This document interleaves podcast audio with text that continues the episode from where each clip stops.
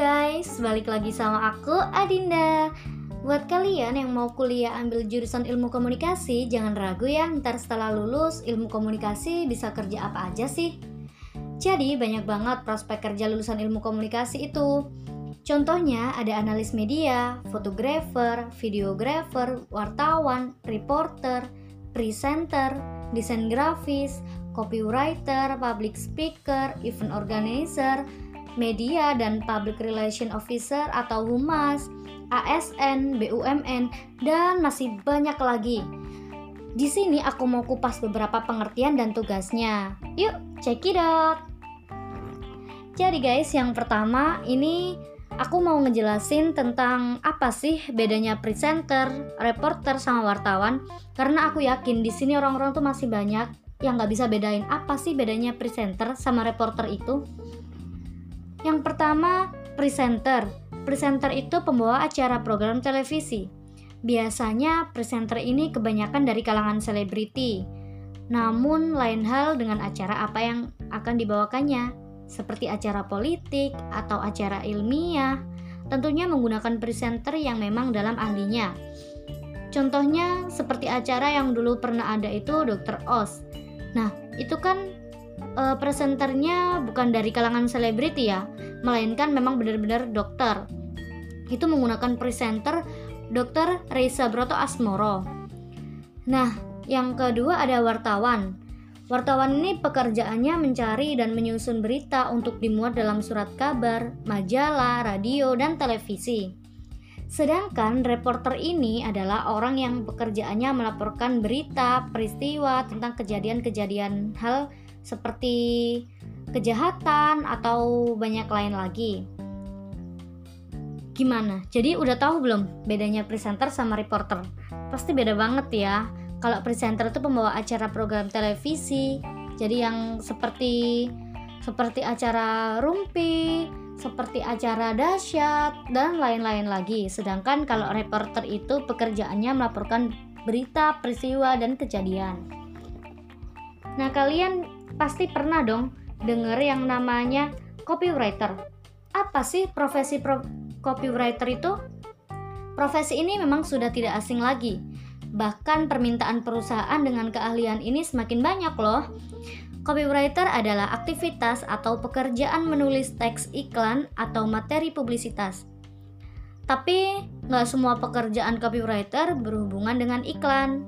Ada juga copywriter yang menulis konten berita dengan tujuan memberikan informasi saja. Umumnya, peran dari seorang copywriter memang untuk mempromosikan sebuah produk atau jasa. Mereka turut bertanggung jawab akan citra perusahaan. Jadi, tanggung jawabnya seorang copywriter itu banyak. Seperti dia juga juga menanggung ya gimana caranya iklan ini agar orang tuh bisa memahami terus nggak sampai menyinggung si oh, pembaca itu tadi gitu. Nah, yang ketiga di sini ada event organizer atau yang lebih mudah dipahami yaitu penyelenggara acara. Tugas dari seorang IO adalah membantu kliennya untuk menyelenggarakan acara yang diinginkan. Bisa jadi hal ini karena keterbatasan sumber daya atau waktu yang dimiliki oleh klien. Namun penggunaan jasa IO juga dimungkinkan dengan alasan agar penyelenggaranya profesional sehingga hasilnya lebih bagus daripada bila dikerjakan sendiri. Jadi, contohnya paling gampang nih. Misal kalian ad, kalian punya acara nih, lomba tingkat kabupaten atau kota. Nah, kalian kurang channel untuk gandeng sponsor ini itu atau kalian nggak punya waktu buat ngurus ngurus acara itu tadi kalian bisa loh gunain jasa IO untuk lebih praktisnya. Jadi kalian gak boros waktu buat ngurus acara itu. Jadi kalian tuh terima jadilah dari IO nya itu. Nah yang keempat ada public relation atau humas Nah, public relation itu sama dengan humas ya. Jadi, public relation merupakan salah satu fungsi manajemen yang membentuk dan memelihara hubungan saling menguntungkan antara lembaga atau organisasi kepada masyarakat. Ada juga beberapa fungsi humas dalam organisasi, yaitu memberikan saran kepada pihak manajemen tentang hal-hal yang berkaitan dengan berbagai kebijakan yang diambil serta dampaknya dari kebijakan itu apa untuk publik gitu. uh, dari beberapa fungsi itu ada juga mengkoordinasikan berbagai kegiatan komunikasi organisasi, menyediakan sarana bagi upaya organisasi untuk berkomunikasi atau menjalin hubungan dengan publik. Nah, dari selain pilihan empat pilihan beberapa itu tadi, lulusan ilmu komunikasi juga bisa bekerja menjadi ASN.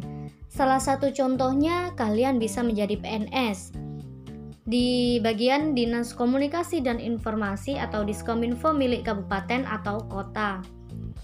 Selain bisa menjadi ASN atau beberapa yang sudah aku sebutin tadi, kalian juga bisa bekerja di BUMN atau Badan Usaha Milik Negara.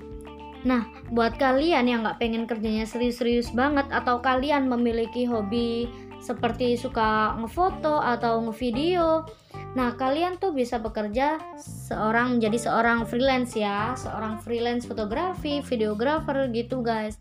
Sebenarnya lulusan ilmu komunikasi itu prospek kerjanya banyak banget, nggak yang melulu di kantor, nggak yang bekerja terlalu serius. Kalian juga bisa loh ngelakuin kerja sesuai hobi kalian, seperti itu tadi kayak fotografi, videografer gitu. Uh, jadi gimana guys? Dengan prospek kerjanya, menarik banget bukan?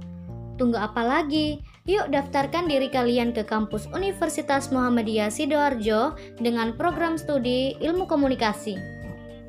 Jadi sampai di sini dulu ya guys perjumpaan kita. Nanti kita lanjut deh beberapa waktu yang akan datang. Terima kasih guys. See you.